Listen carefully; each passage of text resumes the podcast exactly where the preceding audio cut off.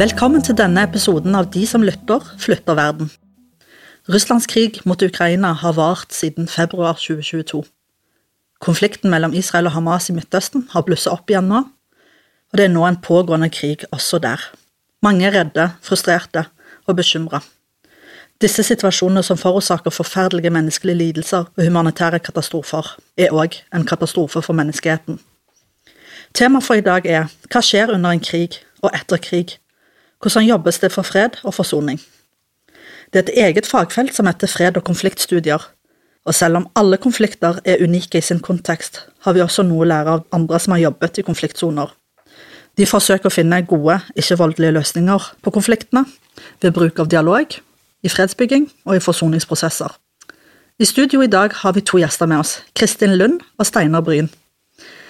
Kristin, du er en pensjonert generalmajor fra det norske militæret og har erfaring med våpenhvileforhandlinger og at disse avtalene overholdes. Du sier at militæret har en verktøykasse, og at krig er det siste som skal benyttes. Steinar, du har lang erfaring fra arbeid med fredsbygging i postkonflikt, særlig fra Balkan og i Ukraina. Du har brukt dialog som metode for forsoning. Mitt navn er Bodhan og skal lede dagens dialog. Vi håper at denne dialogen kan gi håp til folk om at det finnes mange gode krefter som vil benytte seg av dialog for å løse konflikter, og vi skjønner at dette er en sensitivt tema, men vi håper å kunne belyse flere sider av saken sammen. Kristin, jeg tenker jeg skulle begynne med deg. Det er brutt ut krig i Midtøsten, og vi får bilder rett inn i stua fra forferdelige menneskelige lidelser. Men vi vet òg at det er en pågående politisk forhandling om våpenhvile eller våpentilstand. Jeg kan ikke forskjellene på disse tingene, kanskje du vil fortelle litt om det. Og det er mange som forsøker å få slutt på krigen. Denne politiske scenen som ikke alle oss andre har innsikt i, kan du fortelle litt om hva som foregår? Hvordan jobbes det for våpenhvilen nå, da? Tusen takk for at jeg fikk komme her og prøve å belyse noe av de erfaringene jeg har fra området der nede.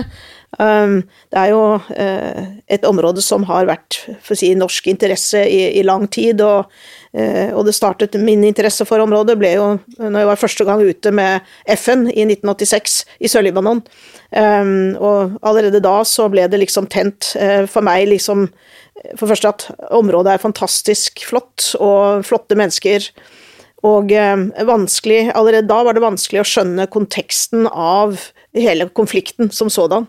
Um, sånn som det er i dag, så, så er det jo uh, et, uh, en, en, krig som foregår, og, um, og, og, det er jo noe som egentlig har blusset opp, som har ligget og ulmet lenge, og vært i mange, mange år. og det, I bunn og grunn så er det jo det at det er to folkeslag som skal dele et land, og ikke blir enige. Og så har det ene landet mye mer ressurser, og Altså, når avtalen om Israel ble opprettet, så ble det jo ikke fastsatt noen grenser. Og det gjorde kanskje Israel med vilje, nettopp for å kunne få mer land etter hvert. Det skal ikke jeg uttale meg akkurat om det, men det er helt klart at um, Situasjonen er grusom, og det er jo det som er eh, for oss, eller jeg som er vært, eller er for så vidt militær, så er jo det at vi har jo sett alle disse grusomhetene som for å si militær vold medfører. Og det er derfor eh, mitt engasjement nå som man har blitt pensjonert, har blitt såpass kraftig, fordi at man ser at eh, det med å bruke vold er jo liksom egentlig den siste eh, verktøy du har i den verktøykassen eh, som da kan brukes. Nå ser vi det at det er mange aktører inne. I Midtøsten så har jo alle de store aktørene som USA, Russland, vært Nå har vi jo fått mye nye aktører som Qatar, Saudi-Arabia. Så det er jo et kolomerat av aktører så tilbake for å prøve å si liksom hvem, eh, altså hvem som kan få til det her. eh, Jeg tror at eh, for Israels del er det jo å få gislene eh, tilbake. Og, og, det eh, Da tror jeg det er krav som selvfølgelig Hamas vil stille. Og så er det jo da de landene som har innflytelse på Hamas, da, som kan. Jeg var jo i Israel frem til eller kom ut den sjette, og da hadde jeg jo, snakket jeg jo med palestinere Altså Den 6. oktober kom du hjem fra ja, oktober, takk skal. Palestina. Mm. Ja, 6. oktober. Um, og etter det har jeg også snakket med palestinere, og det som de er veldig tydelige på uh, fra Vestbredden, er at man må altså ikke trekke noe likhetstegn mellom Hamas og Palestina. Og det tror jeg også er viktig, at man uh, må uh, skille mellom for å si, den grupperingen av Hamas som, som da tyr til vold. For det er ikke alle. Så det, nei, vet du, jeg tror hadde man eh, visst hvordan man skulle få til en, en våpenhvile der, så, så, hadde man jo kommet langt, og det er jo derfor det tar tid. Dessverre. er jo fordi at eh, det er mange involverte på begge parter. Men disse nye aktørene som du prater om, som også har en rolle nå, sånn som Saudi-Arabia og Qatar USA har jo vært veldig tydelig på sin måte i budskapet de sendte den store eh, hangaren. Altså Det er jo veldig tydelig budskap at vi er på deres side, som Israel. og sånne aktører som tar så sterk side i en konflikt, klarer de å være egentlig noe fredsforhandlere, da? Når de tar så sterk side? Jeg tror at eh, både palestinere eh, og israelere vet jo at USA er fortsatt en viktig aktør i, i verden. Og nå må det jo sies at USA har jo ikke kommet altså et, Normalt så er det en hangarskipgruppe i Middelhavet. Så det er ikke så mye, det er bare det at den er kommet litt nærmere da. Og det er jo helt vanlig når det er enkelte ting. Så, og den, den hangarskipsgruppen, den, den, beveger seg jo rundt omkring i, i området, sånn sett. Så for det er noen som sier at liksom USA har bidratt med så masse styrker. Over det har de egentlig ikke. Eh, så bare det er sagt. Men jeg tror at eh, det, for meg, da, med disse nye aktørene, som jeg syns er litt spesielt, er jo at de nye aktørene er jo ikke de som er kjent for menneskerettigheter og følge, for å si, en del av de resolusjonene eh, som vi har, som i hvert fall nesten alle land eh, som er medlem av FN, har sagt ja til. Eh, det går jo da på likhet, holdt jeg på å si, mellom kjønn, det går på menneskerettigheter osv. Så, så, det er også et tankekors for meg, da. At man liksom har land som kan altså, kjøpe seg inn, hvis du skjønner hva jeg mener. Disse nye aktørene, som eh, jeg skjønner kan ha litt forskjellige motivasjoner, hvilken rolle er det de ønsker å ha i denne våpenhvileforhandlingen mellom Israel og Hamas? Hvis jeg hadde visst det, så hadde det jo vært enkelt, men jeg, jeg er litt sånn usikker nettopp fordi at de landene ikke representerer det som vi tradisjonelt tenker på eh, diplomatiske aktører. Og det, eh, diplomatiske aktører har jo gjerne kommet fra land som har et, et demokrati, som har også verdier som, som, vi gjenkjenner.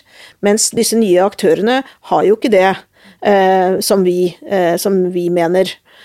Og da, er det jo, og da er det jo da er det for å få innflytelse med hva de representerer, som er deres mål, eller er det et mål for å få til en løsning? Nå ser vi jo sånn som Saudi-Arabia har jo nå eh, et helt annet forhold til Israel. Israel har et helt annet etter Abrams Accords, så har jo det blitt eh, et litt annet um, dialogmiljø da, i, i Midtøsten som på en måte som jeg tror kan være positiv, for det er viktig at naboer er venner. Men jeg tror da kanskje at eh, palestinerne føler seg eh, da litt eh, oversett og glemt, og enda mer, for å si, desperat. Takk, og Norge har jo tradisjonelt sett vært en av disse meglerne i mange forskjellige konflikter. De har jo vært med å blant annet hatt en veldig sentral rolle i sin tid, i, på 90-tallet, ved å fremme Oslo-avtalen både i 93 og 95. Hvilken rolle har Norge nå? Når jeg jobbet der, så eh, fikk jeg mye positiv tilbakemelding eh, for det Norge hadde gjort, og, og nød veldig godt av det. Men det er klart det at mange var jo også kanskje litt sinte for at ikke man hadde kanskje fulgt opp mer når ikke, for å si, Oslo-avtalen ble fulgt opp. Men, men, generelt så vet man jo, eh, vet jo palestinerne nede at Norge bidrar veldig mye. Og det eh, vet jo også for så vidt Israel. altså Norge har jo også en sterk eh, Israel-vennlighet eh, i, den norske befolkning. Så, så for, meg så var det sånn, når man var der og, og, og, representerte, så var man jo litt delt. Men det er jo klart det at man, man, det er vanskelig å skjønne og, jeg fikk føler det på kroppen, og jeg hadde jo mine sikkerhetsvakter. noen av de var jo palestinske. Og det er klart at eh, når vi da kom gjennom sjekkpunkter eh, i Israel, så ser du jo hvordan da disse som har sin førstegangstjeneste, som er altså 19-20 år egentlig, Jeg følte trakasserte mine sikkerhetsvakter enda de hadde både FN-pass og FN. ikke sant? Altså Det var en sånn helt unødvendig holdning. Um, så, og, det, og, det, er det jeg ikke kan skjønne, at uh, et folk som har opplevd så mye, kan behandle et annet folk som de gjør. Det, det var vanskelig for meg, men noe av min viktigste jobb da var jo å være uavhengig, altså impartial. Men du trenger ikke være nøytral, eh, for det er klart at når det ble gjort eh, aksjoner på enten den eller andre siden, så, så, sa vi jo fra om det, og vi måtte melde fra uh, til videre. Da tilbake til New York, som var, var generalsekretæren, som var min for å si, foresatt. Mm. Har du Steinar, noen tanker om akkurat det vi prater om nå? Jeg har eh, en forståelse av at det er veldig vanskelig å være eh, tredjepart i en eh, forhandlingssituasjon, og jeg har formulert litt refleksjonsmessig at hvis begge parter opplever støtte, da er det lettere å få samtalen og forhandlingene i gang. Slik at man er på et vis på parti med begge i konflikt, istedenfor å være en tredjepart som står utenfor. Fordi det er klart at eh, skal man få til en løsning som begge parter kan omfavne, så må de på et vis føle at det er litt i deres felles interesse at dette er de neste skrittene vi skal uh, ta. Og uh, i mitt dialogarbeid så har jeg lagt veldig vekt på, bare også i dialogrommet, at de som er der, føler en trygghet. Ikke fordi at jeg er en nøytral tredjepart, men fordi jeg har ganske god forståelse av partenes opplevelse av uh, situasjonen. Mm. Det er tradisjonelt i mange sånn gammel konflikthåndtering og megling så sier man at du skal være nøytral eller objektiv, men det er jo kanskje en anerkjennelse i nyere tid at det er ikke helt mulig. Det ja. Å ta alle sin parti og være støtte og vise omsorg for alle kan være en god del mange av de tidligere fredsprisvinnerne og mottakerne de har eh, skrevet under en eh, ceasefire som de ønsker seg, altså en våpenhvile umiddelbar i den pågående konflikten som er, og den har jo Fredssenteret støtta om. Så vil jeg bare gå litt til en av disse her fredsprismottakerne. da, eh, altså han Nansen mottok jo prisen i 1922. Og det jo, egentlig gjorde han noe som jeg tenker hadde vært helt umulig i moderne tid. Men han fikk til noe og fikk alle med seg på sin side, men det trekker jo òg oss til krigen i Ukraina. Vil du fortelle litt om den historien, hvorfor han har så viktig rolle i Ukraina, og, og hvordan jobber man for fred nå, da, eller dialog i Ukraina? Det er to ting eh, med Fridtjof Nansen. Han uh, greide jo å bli uh, autorisert til å utstede Nansen-pass. Dette er litt viktig i dag, fordi vi tenker veldig ofte på pass som knytta til territoriet. At det bare er stater som kan utstede pass. Men Nansen-passet er utstedt av en mann. Og pass er jo et reisedokument. Slik at f.eks. nå i Ukraina så er det en ganske tøff diskusjon om de som har russisk pass skal få lov å beholde det. Og den ukrainske regjering vil nok kreve at de må gi det tilbake. Men er det en så viktig kampsak at det på et vis kan forlenge konflikten? Eller kan man tenke litt mer at pass er dette reisedokumentet som kan gi mennesker litt uh, trygghet? Når Fridtjof Nansen får Nobels fredspris, så gir han halvparten til Ukraina og Russland. Og da jeg begynte mitt arbeid på Balkan, så var det fordi det var en åpning, det var en døråpning. Og den døråpningen den var pga. at Lillehammer hadde olympiske leker, Sarajevo hadde olympiske leker. Jeg kunne nok ikke gjort noe i, i Syria eller Afghanistan, men når krigen begynte i Ukraina i 2014, og særlig etter brannen i Odessa i begynnelsen av mai 2014, da reiste jeg til Odessa fordi at jeg lurte på om våre erfaringer fra Balkan var relevante i denne eh, situasjonen i Ukraina. Og Det jeg da opplevde når jeg kom til Ukraina, det var at Nansen åpnet dører for eh, meg. Og eh, det at jeg kom fra Nansen, eh, Nansen-skolen, gjorde det lettere. Og eh, jeg understreker dette fordi at la oss alle tenke litt over hvor er det vi kan gjøre en forskjell. Så i Ukraina, på Balkan, pga. Uh, den historiske bakgrunnen til Nansen-skolen, gjorde gjorde det mulig. Nansen holdt nobelforedraget sitt, og det het No More War. Grunnen til eh, den tittelen er at han opplevde konsekvensene av krig som så ekstremt brutale at hans posisjon var det er krigen som er en forbrytelse. Vi er nå veldig opptatt av å eh, undersøke om det er begått krigsforbrytelser i krigen. Men ifølge FN-pakten så er det å gå til krig noe som skal forhindres. Og ikke sant, eh, egentlig det, selv, det å gå til krig er selve forbrytelsen. Slik at Russland, når de går til krig, det er galt. Og da blir det litt rart om når man skal etterforske forskjellige episoder i cellekrigen. Selv om jeg skjønner jo at det også er, eh, er, nødvendig. Det som er viktig når det gjelder eh, Fridtjof Nansen og No More War, det er at uh, kanskje spesielt i denne krigen i Ukraina, så har vi vært veldig opptatt av at Ukraina har en legitim rett til å forsvare seg selv. Og det har de. Og Russland har angrepet Ukraina. Det er en brutal forbrytelse med eh, alvorlige konsekvenser. Men det jeg forsøker å, å legge vekt på, er at vi trenger å snakke mye mer om konsekvensene av krigen. Slik at selv om det er legitime årsaker, så må vi spørre hva er konsekvensene for det ukrainske samfunn hvis denne krigen fortsetter nå å vare et halvt år til, ett år til, to år til? Hvis målet er fred, hvis målet er å bygge demokrati, hvis målet er europeisk integrasjon, peker denne krigen konsekvensen av denne krigen i den retning, eller er selve krigen, er selve konsekvensen av krigen, med på å undergrave de langsiktige politiske mål som Ukraina som samfunn har. Mm. Så, så du har jo òg prata om at det er jo en, en forskjell i hvordan vi støtter fredsprosesser og dialogen i f.eks. konflikten i Midtøsten og konflikten eh, Russland-Ukraina. Ja. Vi som aktører, altså da snakker vi om verdenssamfunnet, hva er det vi legger opp til? Hva er forskjellene her i, i forhold til din erfaring, og, og med tanke på, på, din analyse? da? Hva, hva ser du? Jeg opplever en veldig klar forskjell i uh, måten norske politikere uttaler seg på, og også andre. Når det gjelder krigen nå mellom uh, Hamas og Israel, så er vi veldig klare på at vi må stoppe denne krigen pga. de ekstreme konsekvensene krigen har, ikke minst for sivilbefolkningen.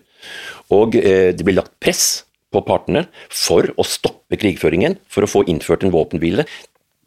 Det jeg ser i uh, Ukraina, det er at måten vi støtter på, er i større grad med på å opprettholde og gjøre det mulig å fortsette krigen.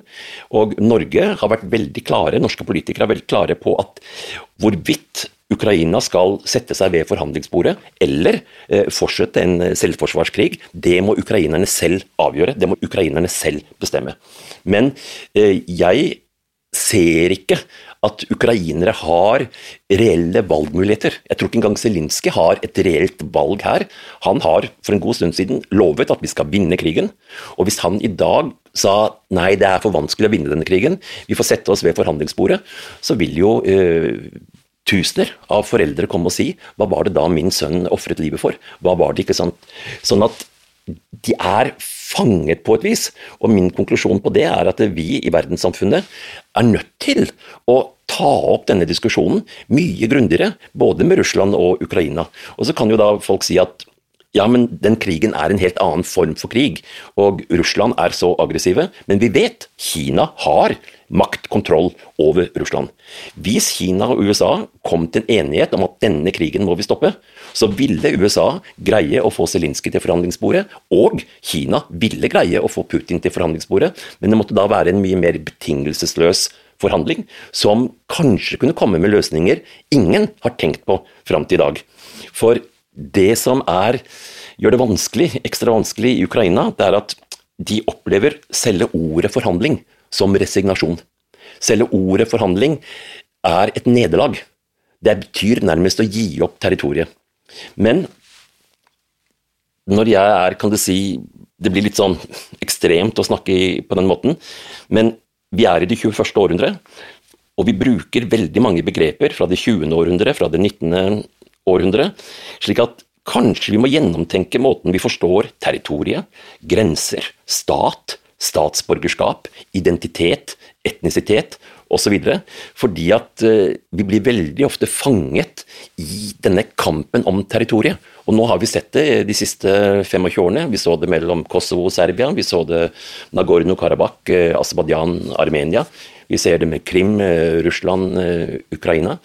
Sånn at nytenkning rundt hvordan vi forstår framtidige måter å leve sammen på, er ja, er kanskje rett og slett uh, viktig. Mm. Og Du har jo jobbet masse med det, med sameksistens og forsoning, men det er jo en veldig tankevekker for meg at eh, ja, som publikum, da, at jeg, jeg, jeg kjente jeg ble helt satt ut den 7. Eh, oktober, da jeg så òg reaksjonen til Israel.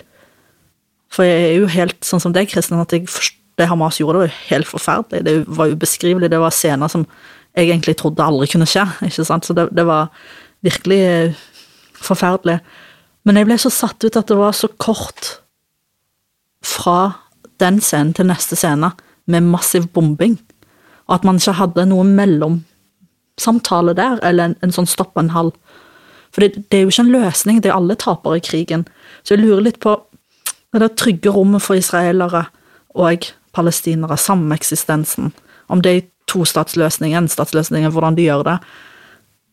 Fortell litt. altså Du, du kom hjem 6. oktober, så fortalte du at du kom fra en spesiell begivenhet. Eh, Kristin, hva, hva, var det som foregikk da? Jeg ble bedt av den norske ambassadøren eh, å komme ned til, eh, til, Israel for å delta på en event som eh, Norge støtter. Og det var Når jeg var der nede, så hadde jeg kontakt med en organisasjon som kalles for Women Wage Peace som eh, var en organisasjon som var åpen både for eh, selvfølgelig Israel, eh, israelske kvinner og palestinske kvinner.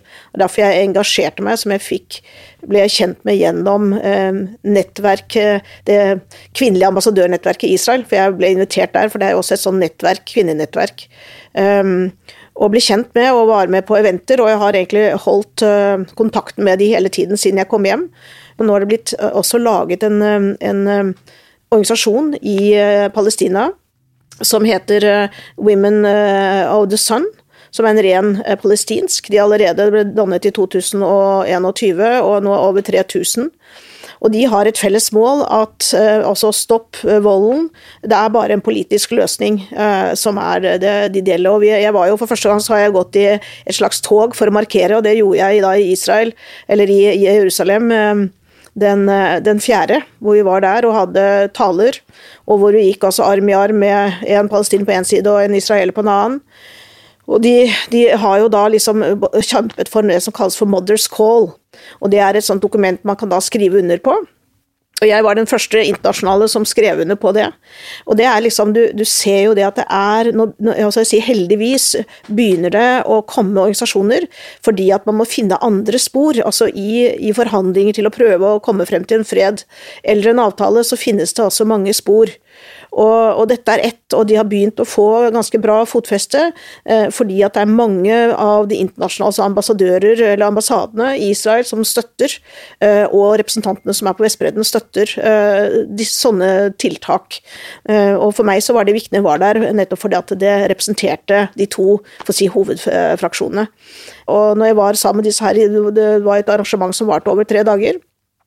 Og en av de da som eh, jeg var sammen med i disse tre dagene, er jo en av de som er eh, tatt av Hamas. Så det ble veldig nærme.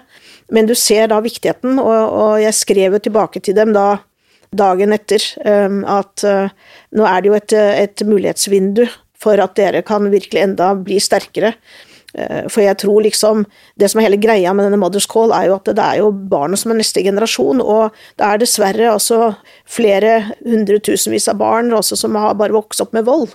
Og da kan man lure litt av det som Steinar sa, altså hva er det som blir eh, konsekvensene av dette. Det er jo derfor det er så viktig å få inn eh, for å si, gode aktører eh, hvis man skal komme til en avtale. Så man, må man altså Det å liksom sette seg for de eh, som skal gjøre det ved et bord, men det er alt det andre som jeg nå ser ved å ha bodd der nede, som ser de der utrolige utfordringer eh, det vil være. Mm og viktigheten av å engasjere. altså Kvinner er jo 50% og det har jo også nå Det er noen av disse Women of the Sun prøver å, å bevisstgjøre, utdanne eh, palestinske kvinner, sånn at de skjønner at de, man må altså jobbe også innifra eh, for å kunne få det bedre. Det er jo mange palestinere som også bor i Israel. Så selv om man får en tostatsløsning, så betyr jo ikke det at man deler folket. Og eh, Diva Tabiba i Israel, de har en, et bilde av One Society for All, og snakker sterkt om den gjensidige avhengigheten. F.eks. innad i helsevesenet i Israel så er det 40 eh, palestinere som jobber. Det betyr at Israel er veldig avhengig av den palestinske eh, bidraget. På Balkan så har vi gjort eh, store feil gjennom å godta segregering. Slik at i Bosnia-Hercegovina så er det OSSE-modellen, two schools under one roof, hvor man da separerer elevene, eh, som ligger til grunn for hvordan man faktisk utdanner barn. Og Det som jeg har jobba mye med, det er jo vi i veldig mye fredsbygging så er vi opptatt av dette med territoriet, vi er opptatt av dette med grenser. Vi er opptatt av uh, å få ting til å flyte i etterkant, og da er det veldig ofte uh, demokratiske valg. Det er veldig ofte at en domstol kommer opp og stå. Det er veldig ofte dette med at folk som har vært i militæret eller i frigjøringsbevegelser skal kunne uh, tilpasse seg samfunnet igjen. Men vi glemmer, eller vi glemmer jo ikke, men vi har ikke sterkt nok fokus på kanskje de to institusjonene som er de sterkeste når det gjelder å forme fiendebilder, og det er rett og slett hjem og skole. Slik at uh, Hvis et barn vokser opp i Gaza eller Tel Aviv, så gir det jo så forskjellige utgangspunkt for det livet man skal leve. Og uh, I Kosovo så kan det jo rett og slett være om du er født på nordsida eller sørsida av uh, elva.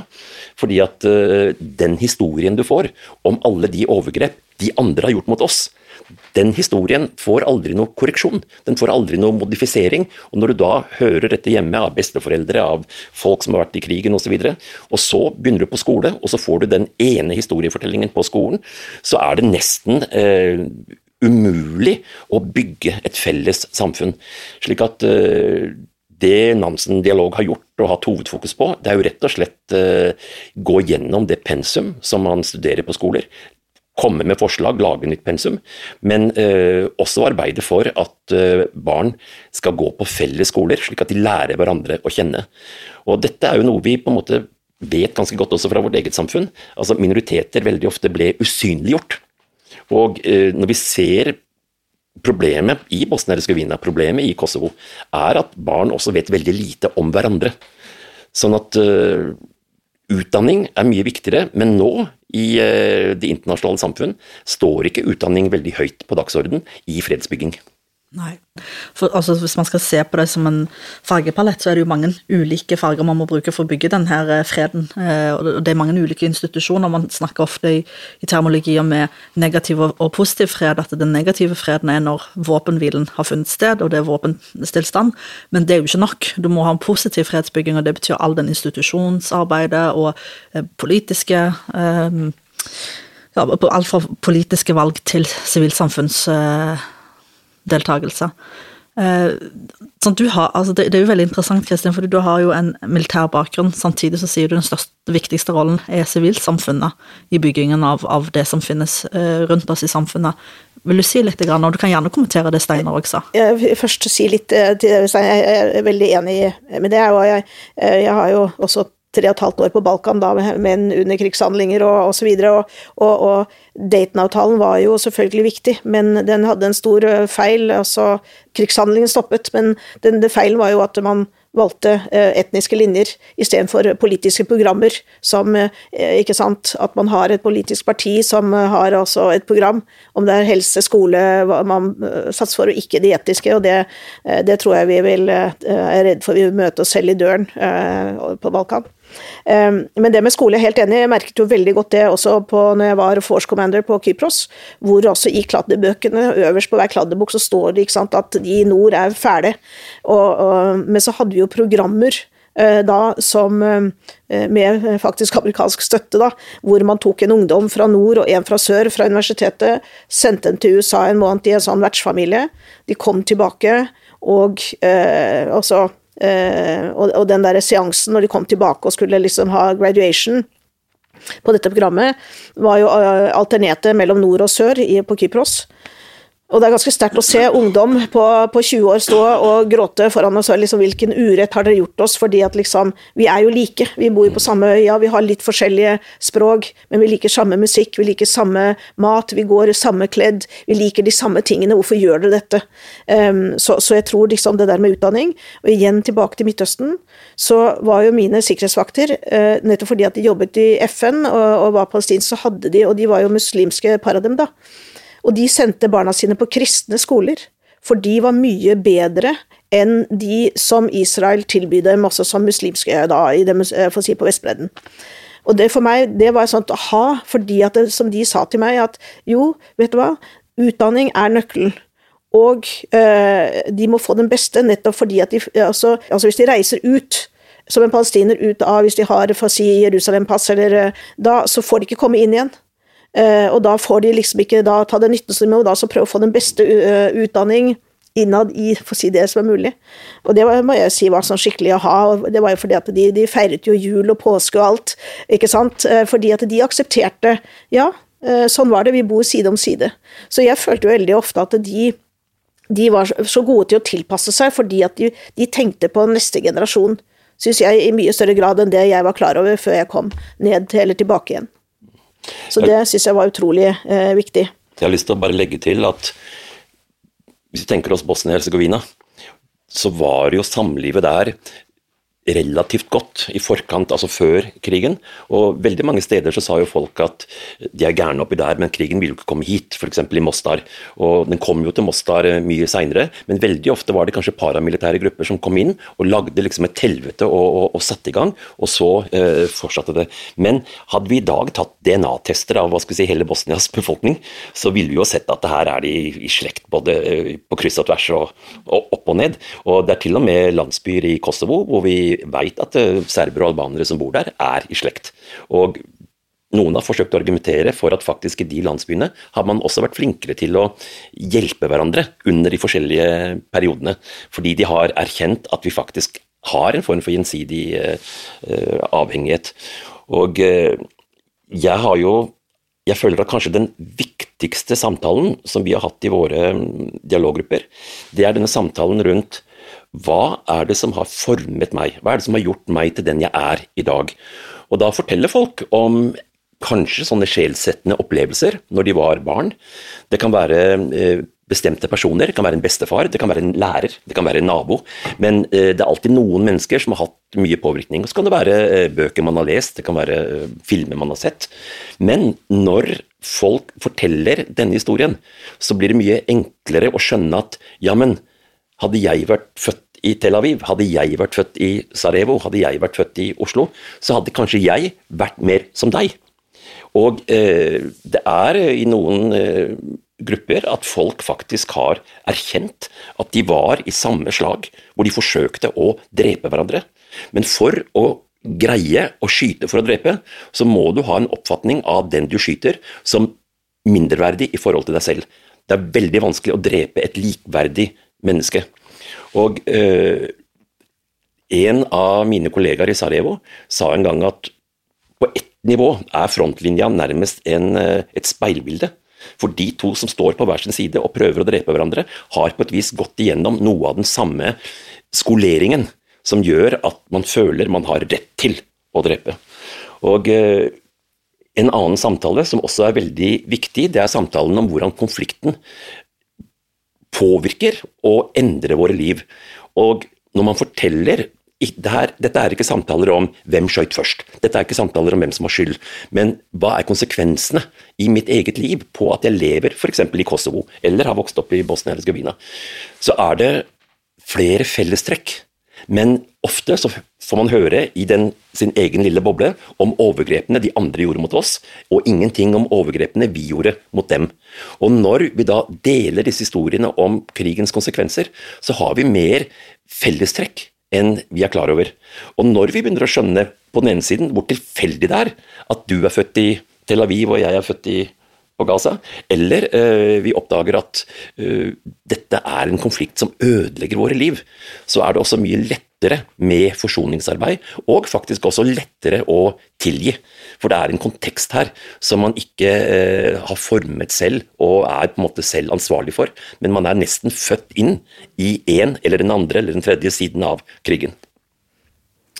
Ja, jeg støtter det helt. og jeg, jeg, husker når jeg var uh, igjen tilbake på, til, til, Kypros, da, med, uh, da hadde jeg hadde jo for så vidt ikke mange soldater, jeg hadde litt over uh, 800 soldater på, som var i en buffersone, og jeg sa til dem at det, det, det viktigste våpenet dere har, er munnen. Det er kommunikasjon, dialog. fordi at um, det er liksom ikke noe med Når du har en, en styrke på 75 000 soldater i nord og 85 000 soldater i sør, og, og, du er 800, så er det altså kommunikasjon og dialog eh, hvis det skjer et eller annet, som er det viktigste. Det er ingenting dere kan gjøre med noe våpen. Og jeg, jeg syns liksom det Eh, og hvor jeg hadde liksom satt ut Én eh, av tre var dette med posture, altså hvordan holdning. Og det er jo sånn hvordan eh, vil du at folk skal oppfatte det? Nettopp for Og det var jo noe av det vi også drev med i, i Afghanistan. ikke sant? Hvis du kommer der med fullt av våpen og alt sånt, det, det, altså det, det innbyr ikke til dialog. Du blir engstelig.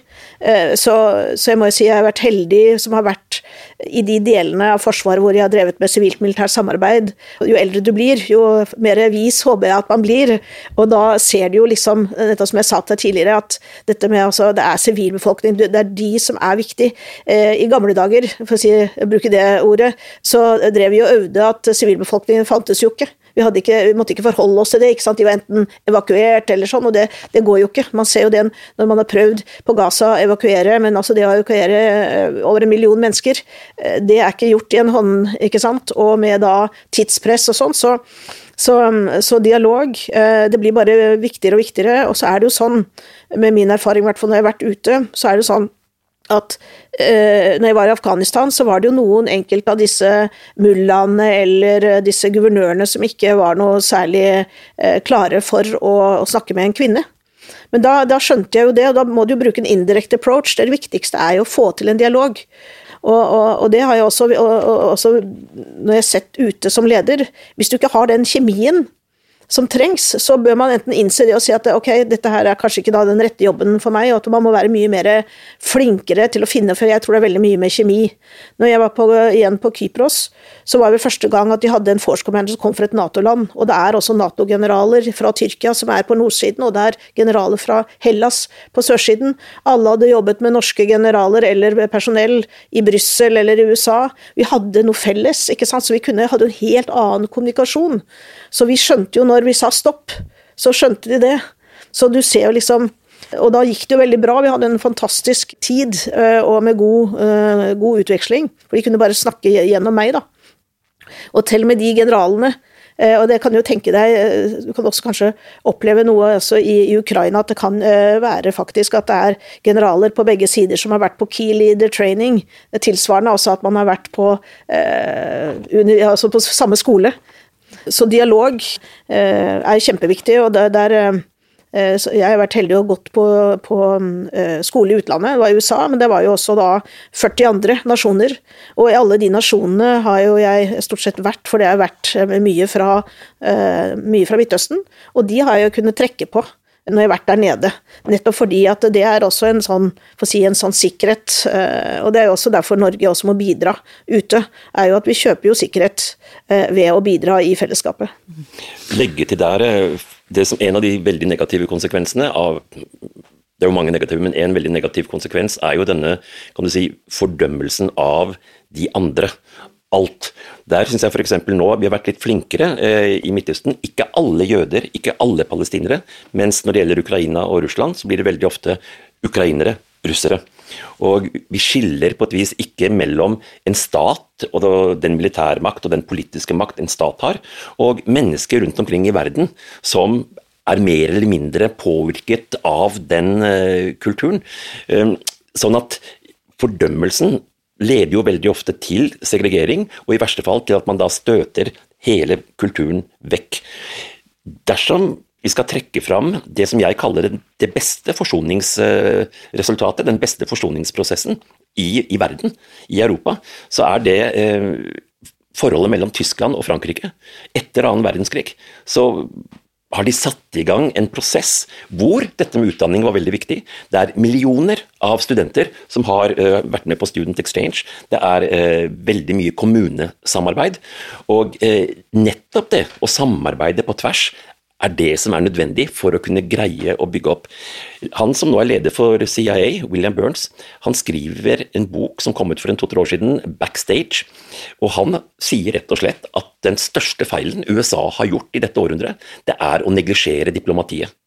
Og Vi ser jo det, altså omtrent fra Kosovo, Irak, Afghanistan, Libya, at en slags tiltro til at man med krigsmidler skal greie å løse konflikter. Og i alle de eksemplene jeg nevnte, så har man ikke kommet så veldig godt ut.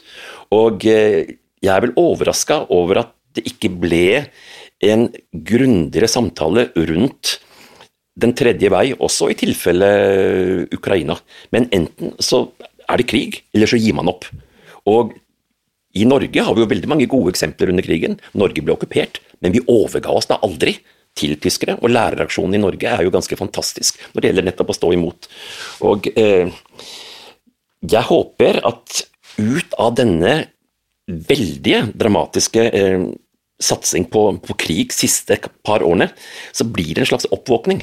For vi ser nå med Aserbajdsjan Armenia, vi ser med Ukraina Russland, vi ser med, i Midtøsten at dette her skaper eh, en katastrofe. Og at vi er nødt til da å gjenreise eh, diplomatiet, begynne å snakke med hverandre, og gjenreise dialog. Jeg vil bare legge til det at også dialog har vært litt undertrykt de siste 10-15-20 årene. Jeg husker en diplomat sa til meg Steinar, 'dialogue is too womanish'. Og i uh, USA, jeg var i USA nå tre måneder, der er jo denne kanselleringskulturen veldig dominerende. Du kansellerer de andre, og du vil rett og slett ikke høre på hva de har å si, for det forurenser din egen sannhet. Og eh, det å skjønne at vi er nødt til å snakke sammen for å forstå hverandre bedre, uten å bli stemplet som forrædere. Uten å bli stemplet som svikere, fordi vi faktisk bruker litt tid på å fortelle de andre om hvordan vi har det. For Det er det man gjør mye i de forsoningsprosessene. Jeg har jo jobbet mye sammen, Steinar, og mye av tiden handler om hvilken lidelsesopplevelse jeg har hatt. Ikke man bruker like mye tid, altså 50% på å snakke som å lytte. I dialogen tror man at det er liksom mest lytting, men det er òg hvordan du stiller spørsmålene, og hvordan du kan svare ut i å fortelle din historie òg, som er minst like viktig i dette.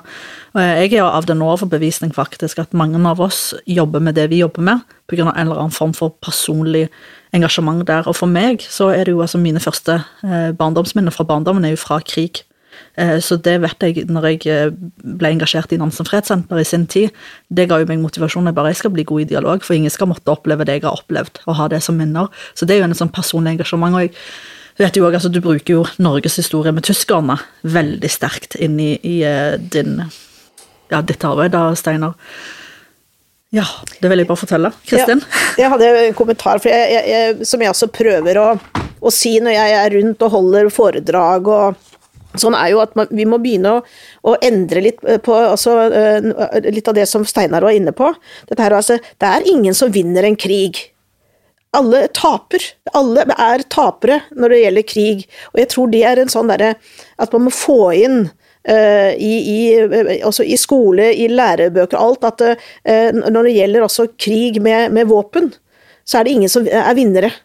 Det er bare tapere, og jeg tror hvis man klarer å få til uh, å skjønne det For det, det, er liksom det at man skal vinne, da, da, er det liksom greit, men det er ingen som vinner. Mm. For det er, det er altså uh, Det går utover. Det, det, er ingen som kommer uskadet fra en krig. Mm. Denne forestillingen om at det går an å vinne en krig, har jeg hørt uh, fra flere i Ukraina. we have to win the war to win the peace. Og eh, Når vi snakker om dialog, så tenker vi veldig ofte på partene i konflikt. Mens jeg faktisk tenker at dialog mellom dialogarbeidere eh, som oss og dialogarbeidere i Ukraina kan være ha en egenverdi, og det er også nødvendig. Fordi at når du lever i en krigssituasjon, så blir du så påvirket av den krigssituasjonen at det er mulig på et vis å miste det der vide horisontsynet. Og eh, det blir så besettende å på en måte fortsette krigen, og man ser ingen andre utveier. Og som jeg har sagt før, forhandlinger blir sett på som eh, et nederlag. Og da er det viktig at politikere ute i Europa, dialogarbeidere ute i Europa, sier vent litt nå. Det er umulig å vinne denne krigen.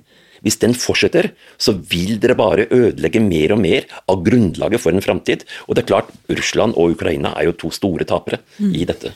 Mm. Absolutt. Og det man lov til å si uten at man forsvarer Russland, uten at man på en måte er pro-russisk, hva Russland har gjort, er de ansvarlig for, og det er grusomt. Men eh, det hjelper ikke å tro at hvis man bare kriger lenge nok, så skal man ha løst eh, problemet. Mm. Takk til begge dere som deltok i dag. Jeg tror vi går inn for en siste, et siste spørsmål, egentlig, Kristin. Så hadde ja. jeg litt lyst til å stille det til deg. Eh, både eh, du og jeg er jo medlem i noe som heter Nordic Women Mediators.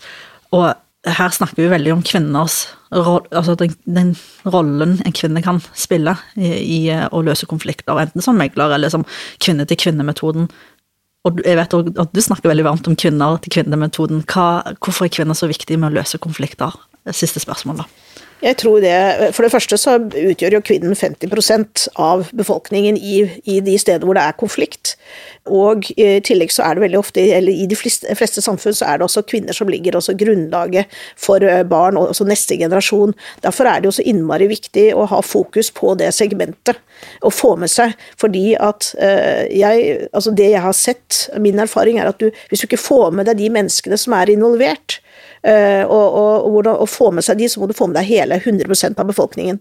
Og Derfor er det så innmari viktig å, å enten å få uh, kvinnene til å bli aktive, og, det kan jo gjøres ved, som f.eks. Uh, Norge har jo gjort veldig mye positivt i Colombia-prosessen, uh, i, fredsavtalen der, og det er jo nettopp også med tanke på kvinner å få kvinner engasjert, få kvinner utdannet til å kunne også delta uh, i, i, samfunnet.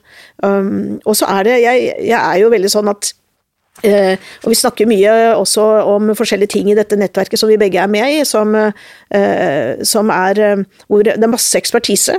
Eh, og så er det jo dette her med at vi kvinner, jeg tror vi har også en tendens til å tenke mye mer helhetlig eh, i samfunnet. Eh, og vi har ikke den, det behovet for den derre Unnskyld meg, Steinar, altså alfahannen. Sånn at jeg mener at som kvinne så er du en god til å forhandle, fordi at du er ikke Det er ikke det der med å få mest mulig makt du har sikkert sånne kvinner òg, men generelt så er ikke det som er, er, viktig for kvinner, det er egentlig å tenke på fremtiden og hvordan skal vi ha det.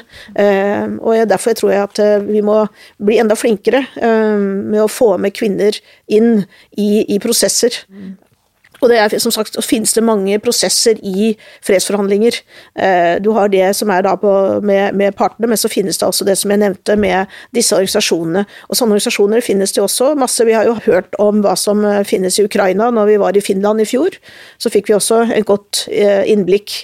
At, at det er også nettverk der med kvinner som forhandler på lokalnivå. Mm.